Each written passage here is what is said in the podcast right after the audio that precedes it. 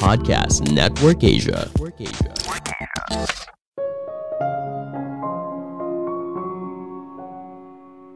Bisnis yang sukses tidak hanya fokus jualan, tapi kamu juga harus punya strategi pemasaran efektif agar bisnis kamu bisa bertahan lama. Halo semuanya, nama saya Michael. Selamat datang di podcast saya, Sikutu Buku. Kali ini saya akan bahas buku Duct Tape Marketing karya John Judge. Sebelum kita mulai, buat kalian yang mau support podcast ini agar terus berkarya, caranya gampang banget. Kalian cukup klik follow. Dukungan kalian membantu banget supaya kita bisa rutin posting dan bersama-sama belajar di podcast ini. Buku ini membahas bagaimana cara UMKM bisa menjalankan strategi pemasaran. Kadang bagi bisnis kecil, strategi tidak selalu menjadi top of mind. Bagi mereka, yang penting jualan. Betul. Tapi ketika tidak punya strategi yang kuat, alhasil banyak hal yang dilakukan justru tidak tepat sasaran. Sumber daya yang terbatas sering kali terbuang percuma. Selain strategi, kita juga harus bisa mencari tipe konsumen ideal. Kita tidak perlu berusaha menjangkau orang sebanyak-banyaknya. Kita hanya perlu mencari konsumen yang tepat dan cocok dengan apa yang kita tawarkan. Saya merangkumnya menjadi tiga hal penting dari buku ini. Pertama, temukan konsumen yang ideal. Apakah kamu ingin bisnismu besar? Jika iya, maka kamu perlu mencari tahu bagaimana perusahaan besar bekerja, bagaimana mereka menjalankan bisnis, dan sebagainya.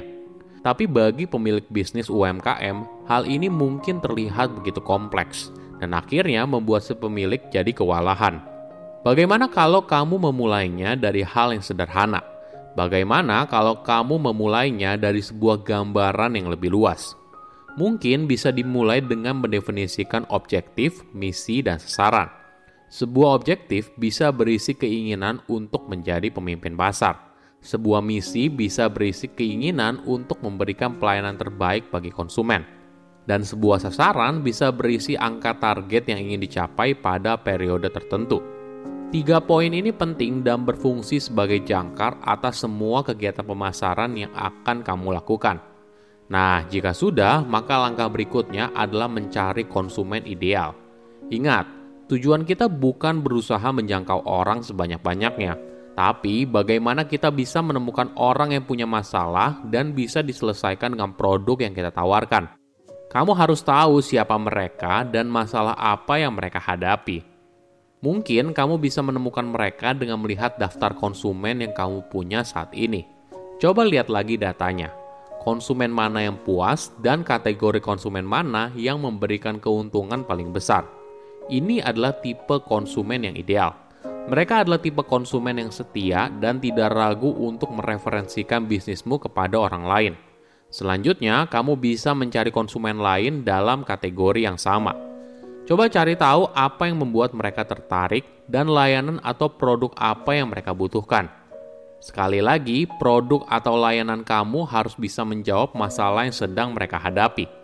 Latihan ini penting bukan cuma menentukan siapa konsumenmu saat ini, tapi juga ketika kamu ingin mengembangkan produk baru.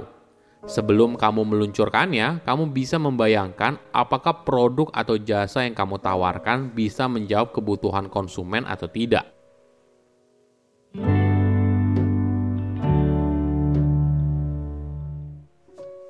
Kedua, ciptakan pesan pemasaran yang kuat. Dalam sebuah kegiatan pemasaran, kamu perlu sebuah pesan yang kuat. Pesan ini berfungsi untuk meyakinkan target konsumen kalau apa yang kamu tawarkan merupakan solusi terbaik atas masalah yang sedang mereka hadapi. Pertama, buatlah sebuah marketing purpose statement. Sebuah kalimat yang berisi sasaran dari sebuah kampanye pemasaran. Kalimat ini tidak perlu kamu katakan kepada konsumen, tapi menjadi fondasi dari sebuah kampanye pemasaran. Coba pikirkan, apa yang membuatmu berbeda dengan perusahaan kompetitor?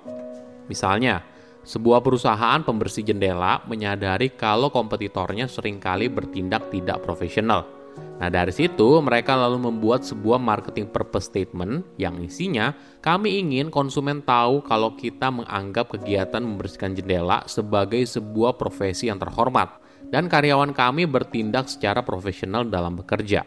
Nah, kalimat ini seharusnya menjadi dasar ketika perusahaan ingin menjalankan kegiatan pemasaran apa pun. Selanjutnya, kita bisa buat talking logo. Kalimat singkat yang menjelaskan manfaat apa yang diterima oleh konsumen ketika mereka memilih jasa atau produk yang kamu sampaikan. Misalnya, kembali lagi ke contoh perusahaan pembersih jendela. Talking logonya adalah kami membantu pemilik rumah untuk melihat dunia dengan lebih baik. Kamu bisa gunakan kalimat ini setiap kali ada konsumen yang bertanya apa usaha yang kamu jalankan. Mungkin cara ini tidak biasa, tapi bisa menjadi cara yang efektif untuk menarik perhatian.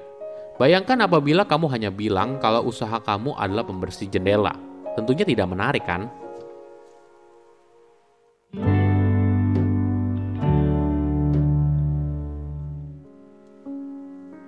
Ketiga, sesuaikan caramu berkomunikasi dengan konsumen.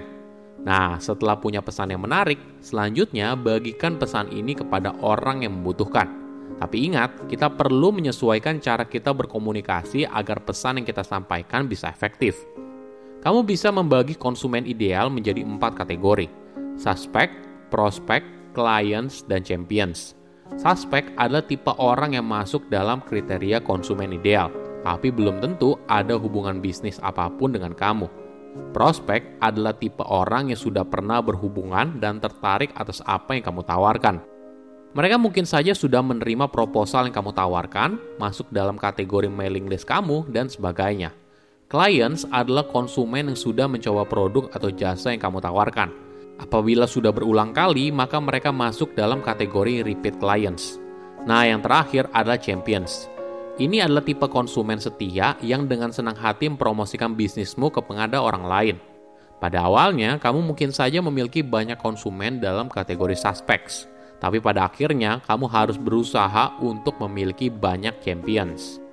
Perlu diingat, pertumbuhan yang sejati bukan hanya berasal dari menambah jumlah konsumen baru, tapi juga memastikan konsumen lama untuk terus membeli produk yang kamu tawarkan, membeli lebih banyak, atau mempromosikan jasa atau produkmu kepada orang lain.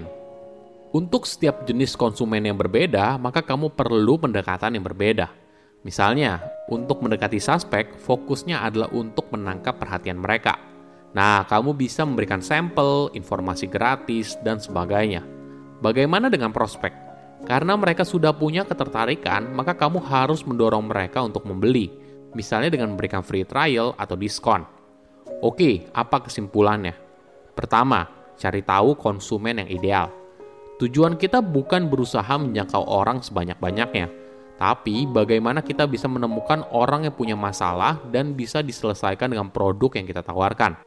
Kamu harus tahu siapa mereka dan masalah apa yang mereka hadapi. Kedua, ciptakan pesan pemasaran yang kuat.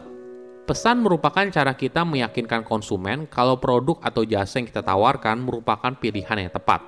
Nah, pesan ini yang selalu menjadi kalimat yang konsisten kalian katakan setiap kali bertemu dengan konsumen. Ketiga, gunakan cara komunikasi yang berbeda. Setiap tipe konsumen punya preferensi yang berbeda. Kita harus bisa menyesuaikan. Misalnya kepada konsumen yang tertarik tapi belum pernah membeli produk atau jasa yang kita tawarkan maka kita bisa fokus memberikan free trial atau diskon untuk mendorong pembelian. Saya undur diri, jangan lupa follow podcast Sikutu Buku. Bye-bye.